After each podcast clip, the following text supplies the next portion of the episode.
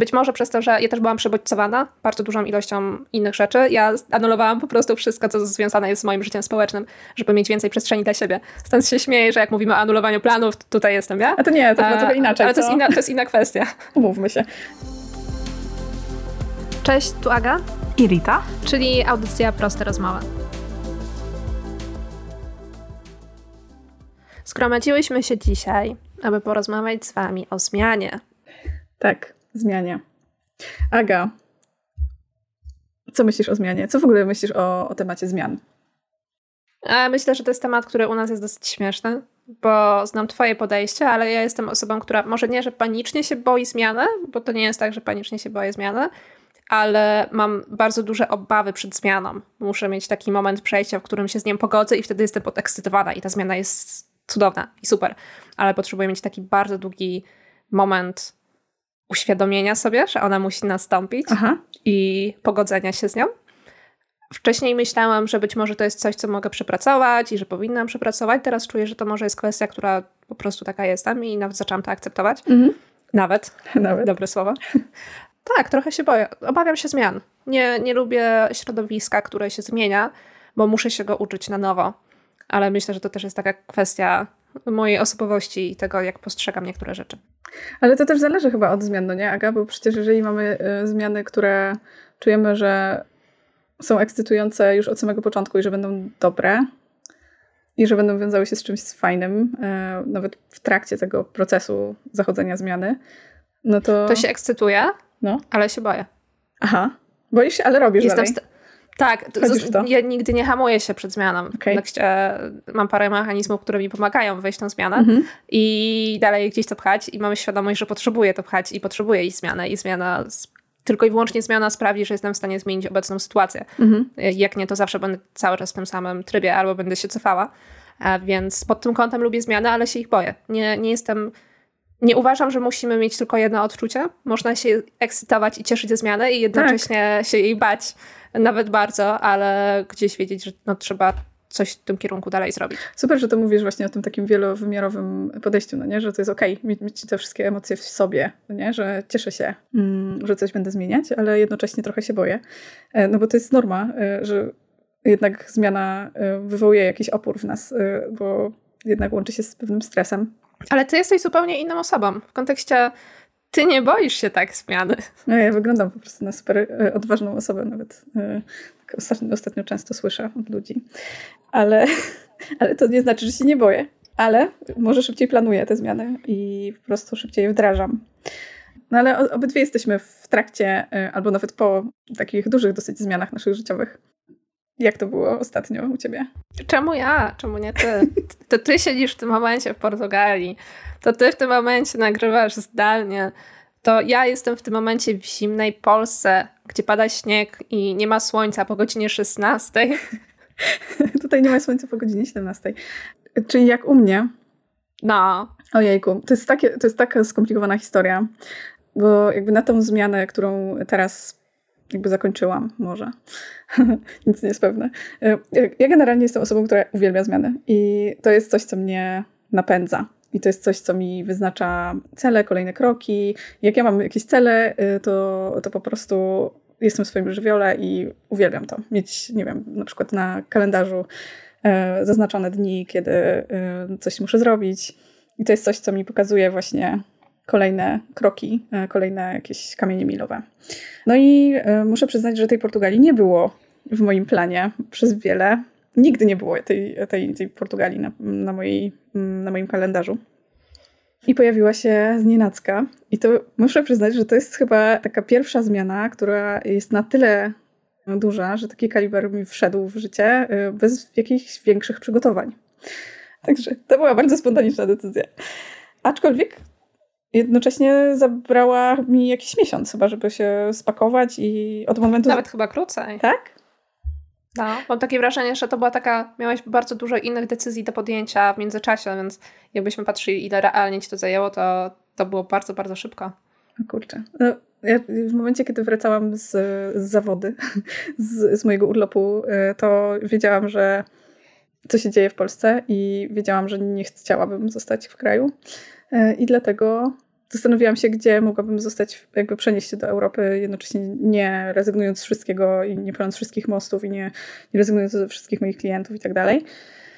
No i przypomniało mi się, że przecież jednym z moich ulubionych miast na świecie jest Lizbona i, i stwierdziłam, że okej, okay, dobra, to jedziemy do Lizbony. Jadę do Lizbony.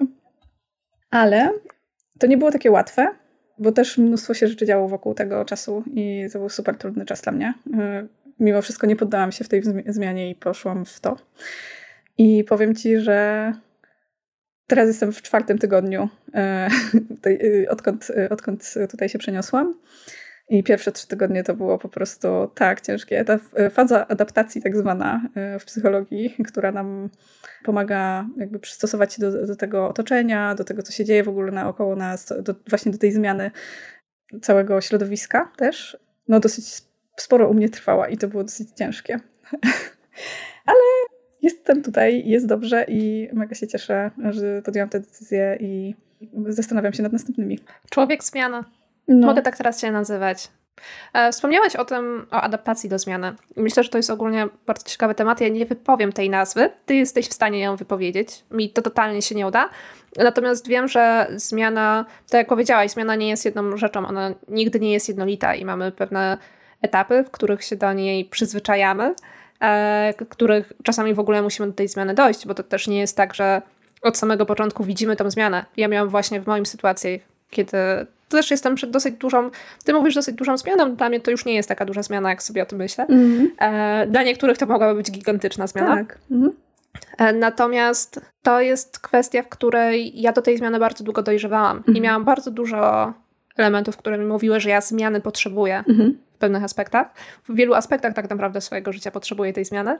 Natomiast cały czas jakoś to ignorowałam i trochę przyczekiwałam. No, e, aż do momentu, kiedy faktycznie już to wszystko się na tyle zgromadziło, że doszło do mnie. E, tak naprawdę przez e, atak paniki na lotnisku. Bo ja po prostu nie chciałam wracać w pewnym momencie do Polski. I dopiero do mnie to doszło, że to jest chyba ten moment, w którym też muszę podjąć a, pewne decyzje, Aga, wiesz, co sobie żeby zmienić bardzo dużo. Wiesz, co sobie właśnie uświadomiłam? Dokładnie w tym samym momencie wyjeżdżałyśmy i czułyśmy się tak samo przed wyjazdem. Pamiętasz? I, e, I znowu po wyjeździe, po powrocie e, podjęłyśmy decyzję e, bardzo szybko. Właściwie szybko, nie szybko, ale takie dosyć duże, no nie? Czyli mówisz, że to, to nie chodzi o zmianę, to nie chodzi o nic, to chodzi o wyjazdy. Może, ale to nie jest pierwszy raz, kiedy...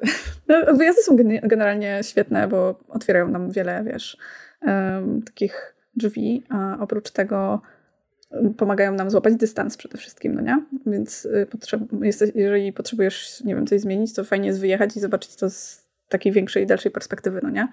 Więc też spojrzenie na to y, z takiego dystansu może pomóc. I tak jak ty czułaś na lotnisku, że nie chcesz wracać, to może to mogło być to, no nie? Ja nadal pozdrawiam przekochane panie z policji, które e, jak coś na Hani nie ma ogólnie pomocy, medycznej, więc wyprowadziły mnie na pas startowy lotniska i siedzieliśmy sobie i oddychaliśmy na pasie startowym, więc to było przekochane, ale to faktycznie trochę dało mi wtedy do myślenia, że już miałam tyle elementów, które mi pokazują, że tę zmianę potrzebuję no. w wielu rzeczach, nie, nie tylko w kwestii swojej lokalizacji, ale też w innych rzeczach, które gdzieś krążyły mi po głowie, mhm. że być może warto na przykład ruszyć z czymś dalej, że ja potrzebowałam takiego dużego kopniaka mm. już, żeby faktycznie się przyznać samej do siebie, ale to jest ten etap, który jest już etapem uświadomienia. Natomiast tak jak mówiliśmy wcześniej, jest tych etapów kilka. Więc to, to, o czym mówisz, to jest e, transteoretyczny model zmiany. E, I e, to bardzo trudna nazwa. Prekontemplacja to jest ten pierwszy etap jej, czyli brak gotowości zupełny na zmiany. Czyli możemy sobie myśleć, a nie wiem o żadnym problemie, zatem go nie mam, nic nie będę zmieniać. E, drugi etap tego modelu to jest e, kontemplacja e, i tutaj jest już rozważanie zmiany. A może coś jest na rzeczy, może coś zmienię, ale czy to będzie dla mnie dobre? Nie wiem, zobaczę, poobserwuję sobie. Etap trzeci to jest przygotowanie. Gotowość. O tak, to jest ten czas, żeby coś zmienić, ale jeszcze nie mamy tych mm, narzędzi, żeby wiedzieć, co zmienić i jak. I właściwie wiemy, co zmienić, ale nie wiemy jak. I to jest, to jest właśnie ten etap przygotowania. Czwarty etap to jest etap działania, czyli podejmowanie już pozytywnych zmian. Wiem już, co, jak, co i jak powinienem zrobić, zacznę sobie działać, najpierw już tam, najlepiej od, od zaraz, y, już wiem, co zrobić najpierw i tak dalej, i tak dalej. Już kolejne kroki sobie ustawiam, w jaki sposób e, planuję e, i wdrażam ten plan w życie. No i mamy piąty etap, to jest utrzymanie, czyli utrzymanie tej trwałej zmiany. Mm, obserwuję sobie tą zmianę w, w moim życiu, podoba ona mi się i e, świetnie mi z tą zmianą, zachowanie mi służy, no i zrobię wszystko, żeby nie wracać do tego starego modelu, no nie? I to jest taka, te pięć etapów, y, podlinkujemy wam je w opisie.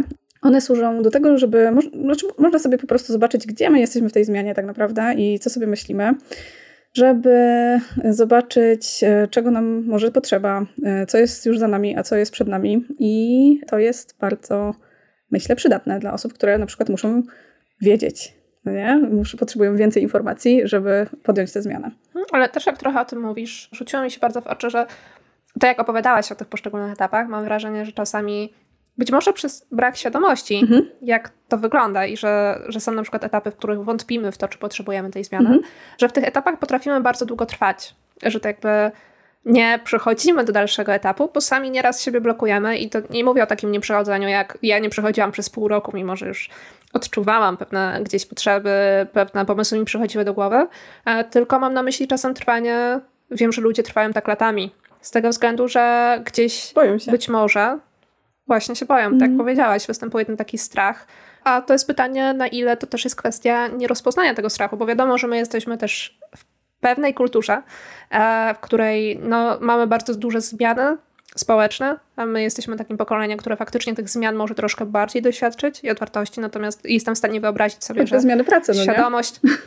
tak, świadomość na przykład, możliwość zmiany pracy i brak strachu z tym związanego mhm. wśród nasz, tak naprawdę naszego pokolenia kontra pokolenia moich rodziców, to są dwa zupełnie inne światy, ze względu na to, jak zostali wychowani, ale też jakich rzeczy doświadczyli. Mam nadzieję, że nie przyjdzie nam doświadczyć 2000 mhm. na przykład i bezrobocia z tego okresu. Mhm. Natomiast w tym momencie o tę zmianę było troszkę, mam wrażenie, czasem psychicznie gorzej, bo też nie było takiego mówienia o tej zmianie i edukacji. To jedno, i do tego jeszcze dochodzi to, że jesteśmy po prostu przyzwyczajeni e, do pewnych zachowań, które już mamy w sobie i, i po prostu je ignorujemy. Tak jak może też trochę ty e, w sumie spychałaś tą zmianę na, na bok. No co ty? I są takie znaki. E, tutaj będę troszkę cytować z takiego profilu Let's Talk Mental Health, który polecam Wam bardzo na, na Instagramie. I tutaj jest taka plansza, znaki, które świadczą o tym, że boimy się zmiany. I wśród nich jest na przykład, że jesteśmy w jakiejś pracy, mimo tego, że jesteśmy niespełnieni. To się łączy z różnymi dodatkowymi oczywiście lękami, no ale jesteśmy w tym miejscu pracy, nie wiem, tłumaczymy sobie to, że ojej, przecież nie muszę być szczęśliwy w tym miejscu pracy, tam realizuję się poza nią i to jest też okej. Okay. Natomiast jeżeli potrzebujemy tej zmiany, to może się pogłębiać. Mamy taki fakt, że zdajemy sobie sprawę z tego, że jesteśmy nieszczęśliwi, ale unikamy jakichkolwiek y, działań to jest po prostu jeden, jeden ze znaków, że boimy się tej zmiany. Czyli masz na przykład na myśli sytuacje związane z tym, że jesteśmy w sytuacji, która jest dla nas bardzo niekorzystna i ogólnie o tym wiemy, ale mamy taki minimalny, chociażby pozytyw na przykład, nie wiem, w pracy, że mamy wysokie wynagrodzenia, więc wolimy tego Minimalny się trzymać. Mimo wszystko. To znaczy mamy wysokie wynagrodzenia, ale na przykład nasze zdrowie psychiczne bardzo cierpi ze względu na politykę, która jest w firmie, ze względu na to, co się dzieje w organizacji. To jest chyba taki najprostszy przykład, natomiast no, słysząc od wszystkich dookoła będziemy słyszeć, że hej, no ale dobrze tam zarabiasz, więc tak jakby gdzieś odkładamy nasze potrzeby tak. i minimalizujemy to, co jest bardzo dużą czerwoną flagą, przez którą czujemy się tak jakby gdzieś źle w tym miejscu, tylko i wyłącznie po to, żeby zostać. Myślę, że to można przenieść na związki, relacje, Absolutnie. małżeństwa, absolutnie na wszystko, natomiast no, to jest takie ignorowanie rzeczy, która dla nas jest niekorzystna, bo próbujemy przykryć to czymś innym, co jest pozytywne i to jest chyba jedna, mam wrażenie, z takich częstszych rzeczy, która no, ona też się łączy z wszystkim innym dookoła. Może też być takim znakiem, że czujemy lęk wtedy, y, kiedy myślimy o przyszłości, zamiast y, czuć się zainspirowanymi. Jestem seryjną y, zmieniaczką, więc, więc jeżeli ja myślę o jakiejś zmianie, myślę o przyszłości, to nie, raczej się nie, nie boję tej przyszłości, tylko raczej czuję się właśnie zainspirowana do tego, że o, coś będę mogła zrobić, tutaj będę mogła spotkać jakichś ludzi, zobaczyć jakieś nowe miejsca i tak dalej, zrobić jakieś inne rzeczy. W momencie, kiedy boimy się tych zmian, no to mamy właśnie ten lęk, no nie? że już na samą myśl o przyszłości. To jest bardzo ciekawe, co poruszyłaś, bo trochę jak mówisz o tym takim właśnie lęku przed zmianami, ja mam przed sobą dwa takie obrazy. Jednym obrazem jest to, że być może zostaliśmy czegoś nauczeni, stąd boimy się tej zmiany, bo nie mieliśmy z nią do czynienia. Na przykład bardzo mało wierzymy w siebie i wierzymy w swoje możliwości i to jest coś, co masakrycznie osłabia tak naprawdę nasze poczucie, że my jesteśmy zdolni do tej zmiany, zdolni do zrobienia czegoś nowego, nauczenia się czegoś nowego, przystosowania się do nowej sytuacji i wolimy stać w czymś, co jest bezpieczne, nam znane, nawet jeśli to jest gorsze, toksyczne no. dla nas i mhm. złe i gorsze. Ale też mi się z tym kojarzy bardzo mocno brak plastyczności, czyli takiej sytuacji, w której to, to jest bardzo podobna rzecz, no. natomiast ona niekoniecznie musi być związana z naszą własną wartością, tylko z faktem, że my po prostu nie chcemy dopasowywać się do nowych sytuacji. A zmiana zawsze wymaga tego, że jeśli jedną rzecz zmienimy, to zawsze zacznie się zmieniać coś innego dookoła. No Więc no tak. brak plastyczności u osób mhm. no jest takim dużym dyskomfortem, że no my będziemy musieli coś zmienić w swojej rutynie, w swoim zachowaniu, przystosować się do czegoś nowego, nauczyć się nowych rzeczy. No i nawet jeśli to może przynieść jakieś pozytywne rzeczy, no to to jednak będzie coś, co trzeba wykonać trzeba będzie ponieść koszt. E, I wbrew pozorom to jest klasyfikowane też jako strach przed zmianą. Jeszcze takim znakiem może być to, że często zdarza nam się anulować jakieś nasze plany, mimo że chcemy iść gdzieś na przykład. To ja. To jesteś ty? Opowiedz troszkę. To znaczy, to nie jest tak, że anulować, bo ja sobie już z tym radzę i mam swój mechanizm. Myślę, że za chwilę możemy o tym opowiedzieć, jak sobie radzimy z takimi rzeczami. Ale był taki moment, w którym być może przez to, że ja też byłam przebodźcowana bardzo dużą ilością innych rzeczy. Ja anulowałam po prostu wszystko, co związane jest z moim życiem społecznym, żeby mieć więcej przestrzeni dla siebie. Stąd się śmieję, że jak mówimy o anulowaniu planów, tutaj jestem ja. A to nie, to chyba trochę inaczej. Ale to jest, inna, to jest inna kwestia. Umówmy się. To nie, to nie było to raczej chyba. Nie, siedziałam po prostu pod kocem. No wiesz, no to też jest czasem nam potrzebne i nie ma co w ogóle się za to biczować. To jest bardzo też ważne i myślę, że też o tym rozmawiałyśmy mm, czasem e, w różnych e, odcinkach poprzednich. Tutaj chodzi o obserwowanie naszego ciała, bo w momencie, kiedy nasze ciało staje się, jakoś, w jakiś sposób się aktywuje, triggeruje się, kiedy myślimy o zmianie, to może być znak, że tej zmiany się boimy. Na przykład, nie wiem, w momencie, kiedy myślimy o, o tej zmianie, to mamy zaczerwienione policzki, albo nie wiem, zimne ręce, zimne, zimne poty nas oblewają. To, to może być jeden ze znaków, że boimy się zmiany właśnie. Jak mówisz o tych obserwacjach ciała, to ja tak trochę płynnie przejdę do tego, jak sobie radzę czasem z takimi rzeczami, bo obserwacje ciała też są bardzo fajną rzeczą, nie tylko po to, żeby zauważyć, że coś nas stresuje, ale też, żeby zauważyć, która zmiana nas mniej stresuje. O czym teraz mówię?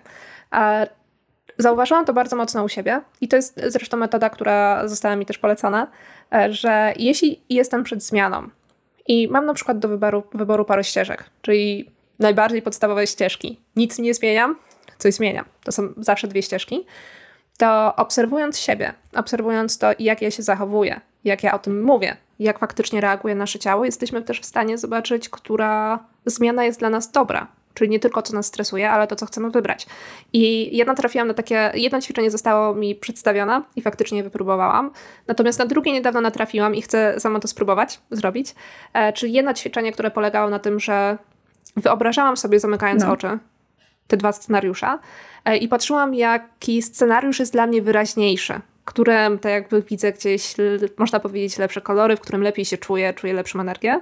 Kontra, który na przykład jest bardziej zaciemniony, bardziej szary, czyli wiadomo, że mój organizm za bardzo nie chce czyli iść wizualnie, tak, bo ty jesteś też takim wzrokowcem mega, no nie? Więc to, ty mówisz, że to chodziło o kolory, więc nie wiem, wyobrażam sobie, że ty widziałaś te jakby obrazy, te... E, przykładowo, jak byliśmy podczas, e, zaczął się COVID, zastanawialiśmy się, gdzie pojedziemy na wakacje i ja gdzieś czułam czułam strach przed pojechaniem za granicę, to było w 2020 i faktycznie zastosowałam tę metodę, e, wyobrażając sobie pojechanie gdzieś w Polskę w górę kontra pojechanie za granicę i bardzo łatwo byłam w stanie zobaczyć, gdzie mój organizm nie czuł się dobrze, gdzie nie chciało mi się nawet patrzeć na to, jak jestem za granicą, gdzie wszystko co chwilę się zaciemniało, mimo że miałam zamknięte oczy i próbowałam sobie to wyobrazić. Kontra zupełnie inne odczucia, kiedy myślałam o polskich górach, gdzieś, gdzie jestem na odluciu. Ale znalazłam drugą myślę, że też świetną technikę, bo ja wiem, że tego nie zrobiłam, ale inne osoby to obserwowały, gdzie możemy siebie nagrać, gdy o tych dwóch rzeczach mówimy. Tak, właśnie chciałam Ci o tym powiedzieć, no. Tak, że możemy siebie nagrać, gdzie o tych rzeczach mówimy i zazwyczaj my nie zauważamy o tym, czy na przykład czym się ekscytujemy, czy nie, e, co wywołują u nas jakieś reakcje. Więc nagranie pozwala zobaczyć się z troszkę innej perspektywy, bo bardzo często widać to po gestykulacji, po tym jak zaczynamy nagle bardziej energicznie mówić, tym jak zaczynamy na przykład czymś bardziej się jarać, e, czego tak naprawdę gdzieś nasz organizm się boi, a to sprawia, że nawet jeśli nam się wydaje, że boimy się tej zmiany albo że nie za bardzo powinniśmy tam iść, okazuje się, że to wcale nie jest takie straszne, tylko my to próbujemy racjonalizować, żeby tej zmiany tak. nie dokonać. W ogóle to jest e, jedno z takich ćwiczeń coachingowych, które ja też polecam moim um, klientom w momencie, kiedy mają, stoją właśnie przed jakimiś dwoma decyzjami. E, na przykład wybranie jednego, jednej opcji albo wybranie drugiej opcji. Właśnie te, wtedy, to, e, wtedy to najlepiej działa. Na przykład wybranie jedne, jednej jakiejś firmy, przyjęcie jakiejś jednej oferty pracy albo przyjęcie innej oferty pracy i wtedy jest takie zalecenie, żeby e, ta osoba przez nie wiem, 10 minut opowiadała o tym, w, jak, w jaki sposób będzie wyglądać jej życie po podjęciu tej decyzji, a potem dwie godziny później niech sobie nagra tą, tą decyzję, e, jak będzie wyglądać e, życie tej osoby w, po podjęciu tej drugiej decyzji.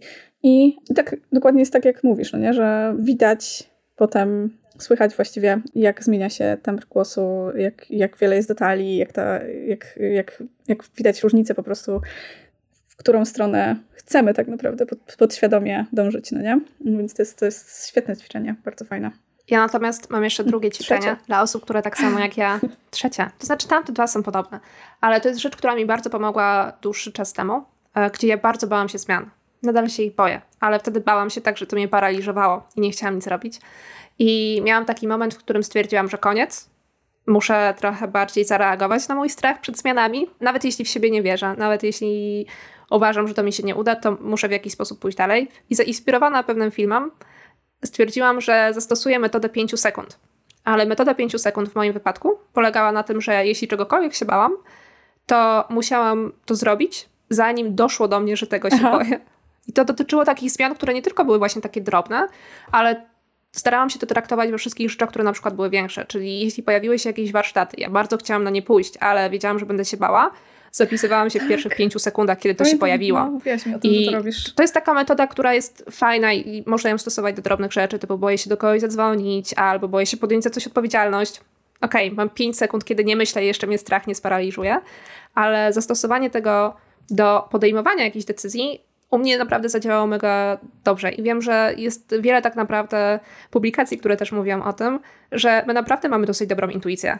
I te pierwsze zazwyczaj nasze odczucia są dobre, tylko później my zaczynamy siebie racjonalizować i zaczynamy szukać sobie wymówek, żeby tej zmiany na przykład mhm. nie zrobić. Ja nie wiem, czy to jest intuicja, czy to jest właśnie e, dostęp do naszej podświadomości i to, że nasza świadomość czasem właśnie tłumi e, ten głos, co chcemy naprawdę zrobić, no nie?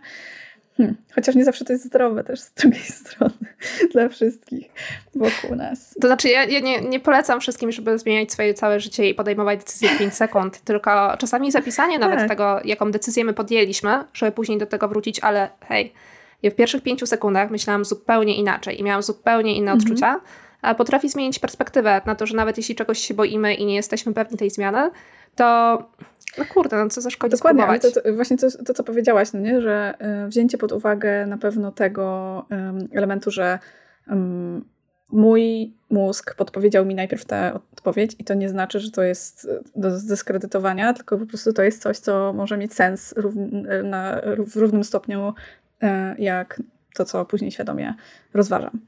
Więc myślę, że całkiem fajnie. I myślę, że tutaj taki fajny tip, bo to troszkę może brzmieć jak takich małych zmian. W kontekście muszę gdzieś się zapisać, chcę zrobić coś takiego drobnego. Ciężko sobie wyobrazić, że podejmujemy w 5 sekund decyzję o przeprowadzce do innego kraju. Na przykład. czy właśnie zadajesz mi pytanie, czy, czy w 5 sekund podjęłam tę decyzję?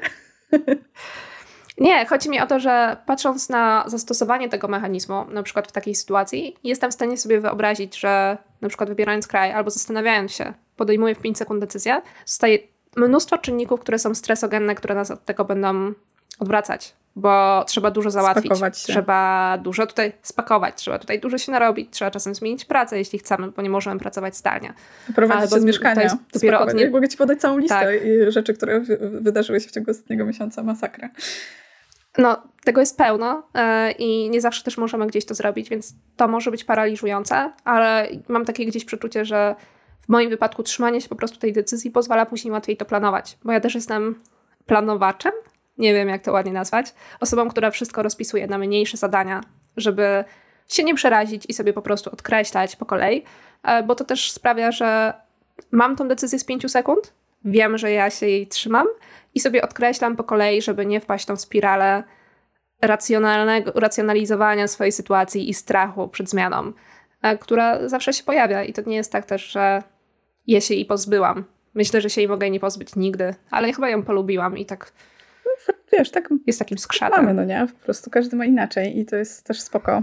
No my już jesteśmy w tych zmianach w, dyskusji. E, jesteśmy w tych zmianach do, dosyć daleko. Natomiast ja bym chciała jeszcze wrócić do tematu blokerów zmian. Co nas blokuje przed zmianami? Co albo kto? I tutaj właśnie. Kicia. Kicia twoja. O, właśnie, zwierzęta. To jest tak totalnie e, mocny temat przecież. Bo ja przecież. Dzieci. Moja droga. Ludzie mają dzieci. No, no mają. Niech będzie. Dzieci są cięższym tematem niż zwierzęta. No, zwierzęta też są, wiesz, w jakiś sposób e, nam bliskimi istotami, więc to jest, myślę, że porównywalne troszkę. Nawet jeżeli nie mamy rodziny swojej i dzieci, to i tak mogą się pojawiać jakieś powody, dlaczego nie podejmujemy jakiejś decyzji i nie, e, nie robimy jakichś zmian w swoim życiu. Znaczy, myślę, że ogólnie bym zaczęła od tego, że niezależnie o jakim blokerze pomyślimy, to i niezależnie o jakim kalibrze zmiany pomyślimy, to zmiany są ciężkie i nikt nie chce ukrywać, że, że to jest łatwe i że to przychodzi jak pstryknięcie palcem. Są osoby, którym to przychodzi faktycznie jak pstryknięcie palcem i tutaj mamy różne mechanizmy, które tak sprawiają, ale to jest okej, okay, że te zmiany są ciężkie i że są rzeczy, które nas blokują, tylko fajnie po prostu wiedzieć o tym, że te blokery występują, żeby czasem się nie wpaść w spiralę myślenia, że tak ma być, mimo że czujemy, że powinno być inaczej, bo za bardzo zaufaliśmy albo za bardzo skupiliśmy się na blokerach zamiast na rozwiązaniach. Może, może ja się podzielę e, paroma, paroma um, takimi przemyśleniami na temat blokerów. Obserwuję właśnie teraz, e, przepraszam, jestem fanką e, ko, e, koreańskich dram. O, może dlatego tak często mówię przepraszam dzisiaj. I tam właśnie bohaterowie stają przed e, jakimiś decyzjami, jakimiś, e, jakimiś zmianami, chcieliby wprowadzać bardzo te zmiany w życie, ale niestety im się czasem to przeciąga bardzo w czasie. I to, na co oni zwracają najczęściej uwagę, jest to, co ludzie sobie pomyślą, co ludzie powiedzą, że będą ludzie plotkować. Oni po prostu tak strasznie boją się opinii jakby e, otoczenia swojego, że ich to blokuje na maksa w podejmowaniu decyzji. Przenosząc to teraz na nasze polskie podwórko, ja myślę, że to jest mega prawdziwy temat, bo jest nadal wiele osób, które przejmują się tym, co powie nasze otoczenie, to, e, tym, co powiedzą nasi przyjaciele, nasi rodzice, e, rodzina, e, wujkowie, sąsiedzi. sąsiedzi. Dokładnie. Co myślisz o tym? Ja się w 100% z Tobą zgodzę, bo myślę, że każdego z nas w pewnym momencie to dotknęło i każdy z nas w pewnym momencie usłyszał coś takiego, ale co inni powiedzą, co inni zobaczą. Wiem, co to znaczy mieć ten bloker i ja miałam taki bardzo mocny moment w swoim życiu, kiedy e, napisałam coś publicznie. Coś, co mnie bardzo bolało. I ja, tak, ja wiedziałam, że totalnie ludzie się z tym nie zgodzą, ale to było coś, co mnie totalnie odblokowało, bo w końcu wyraziłam swoje zdanie tak nie tylko zawsze stawiałam swoje, zawsze byłam w stanie bronić innych, natomiast w końcu wyraziłam swoje zdanie. I to mnie niesamowicie odblokowało przed innymi zmianami, bo tak jakby poczułam sprawczość w sobie, e, ale też poczułam, że no trochę mam gdzieś, w co pomyślą inni, bo muszę się zająć sobą i tym, co mnie czeka, e, żeby gdzieś e, być w stanie bronić e, swojej sytuacji, co wiem, że było bardzo dla mnie trudne. I ja się musiałam, bo wiedziałam, że chcę to zrobić, przez myślę, że dobre kilka dni, codziennie o tym myśląc, czy ja powinnam to zrobić, bo tak bardzo mi gdzieś rezonowało w głowie, że nie powinnam, bo na przykład kogoś być może zawiodę, bo ktoś nie chciałby czegoś takiego usłyszeć. Nawet nie myślałam o tym, co ktoś pomyśli, tylko czy nie zrobię tak naprawdę komuś przykrości, mimo że tam nic nie było, co komukolwiek przykrość zrobiło, bo to było moje wyrażenie a, swojej opinii na temat niektórych decyzji, które u nas się działy, ale tak bardzo miałam to mocno zakodowane. Tak jak powiedziałam, myślę, że to jest rzecz, która każdego z nas dotyczy, no bo nawet jeśli pomyślimy sobie o szkole, to jest coś, co ciągle gdzieś za nami było i ciągle słyszeliśmy, e, że... Ocena tak, jeśli chodzi o ocenę, jeśli chodzi o nasze zachowanie, wszędzie byliśmy oceniani pod kątem tego, jak wszyscy inni na nas patrzą. Więc no, później zmiana ma to samo. Zmiana też jest swego rodzaju elementem, który też będzie oceniany. Teraz już nie przez nauczyciela, ale przez osoby, które są dookoła nas. W ogóle gratuluję, że odważyłaś się to zrobić i sama mówisz, że to był taki trochę przełom dla ciebie, bo to ci też pootwierało inne, mm, inne sytuacje, no nie? Które, które dotyczyły zmian. Mhm. Myślę, że to jest fajna rzecz e, do powiedzenia, że jak teraz powiedziałaś, że to był przełom, jak się zastanawiałam, jak teraz rozmawiamy, wszystkie rzeczy, które były zmianą, której się bałam, ale się jej podjęłam, sprawiły, że moje życie zmieniło się o wiele, wiele na lepsze. I tu mówię o takich drobnych rzeczach, typu zapisanie się na jakieś warsztaty, których totalnie się bałam, ale poznałam tam zupełnie innych ludzi, zupełnie inną perspektywę, po kwestie związane z pracą, zawodem, podjęciem zupełnie innej specjalizacji niż tak naprawdę ja się wykształciłam, bo wykształciłam się jako z wzornictwa przemysłowego bezpośrednio nie jako badacz, tylko jako osoba, która powinna pracować w industrial designie i nagle podjęłam zupełnie innej specjalizacji się, bardzo podobnej w zakresie, natomiast nie w tym robiłam dyplom magisterski e, i nie w tym robiłam wcześniejsze lata, jeśli chodzi o portfolio. To wszystko były zmiany, których strasznie się bałam, ale nie było żadnej z tych zmian, która wyszłaby mi na źle. Wiem, że to jest trochę generalizowanie. No proszę cię, poznałyśmy się dzięki Nie każda zmiana. tak, ale nie każda zmiana, nie każda zmiana będzie przynajmniej na początku dobra. Być może czasami potrzebujemy dłuższej perspektywy, żeby gdzieś się zobaczyć. Być może bądźmy też szczerzy, być może nie każda zmiana zawsze będzie dobra i nie zawsze wyjdzie z tego coś super lepszego. A natomiast to wszystko też zależy od tego, jak my do tej zmiany podejdziemy i co będziemy chcieli z niej wyciągnąć. O, to jest w ogóle już temat e, na osobny odcinek, tak mi się wydaje. Bo już prawie godzinę tutaj nagrywamy. E, ale to jest świetne, co powiedziałaś i y, absolutnie y, tak, no, zgadzam się z tym. Mm, nie, nie, każde, nie każde zmiany muszą nam wychodzić na dobre, aczkolwiek to też jest kwestia naszej narracji i tego, w jaki sposób my podchodzimy do różnych lekcji. I tutaj odsyłamy Was do naszego odcinka na temat porażki i sukcesu, bo tam właśnie rozmawiałyśmy na temat tego, w jaki sposób nasze patrzenie na różne doświadczenia nasze może, może być zupełnie zróżnicowane. Więc zapraszamy do tych odcinków. Nie wiem, czy to były chyba porażka i sukces. Wydaje mi się, że to były osobne odcinki. Tak, to były dwa osobne. Wszystkie informacje, które mi się dzisiaj wymieniłyśmy, odwołania do tych modeli i metod, spiszemy Wam w, w opisie odcinka. I co? Czekamy na Was. A na naszym Instagramie myślę, że znajdziecie fajną grę, którą będziecie mogli sobie sprawdzić, na ile boicie się zmiany, znając, że ja w niej wygrałam, bo zaznaczę sobie wszystkie rzeczy, ale zobaczymy, czy ktoś, ktoś mnie pobije i dopisze własne. Dobra, no to co? To dziękujemy Wam za to, że wysłuchaliście nas do końca. Jeżeli wysłuchaliście nas do końca, to wiecie, że jest y, na naszym profilu gra. W sam raz na czas podejmowania różnych decyzji. Wszystkiego dobrego. No i elo, no i cześć. No i elo, no i cześć. Pa!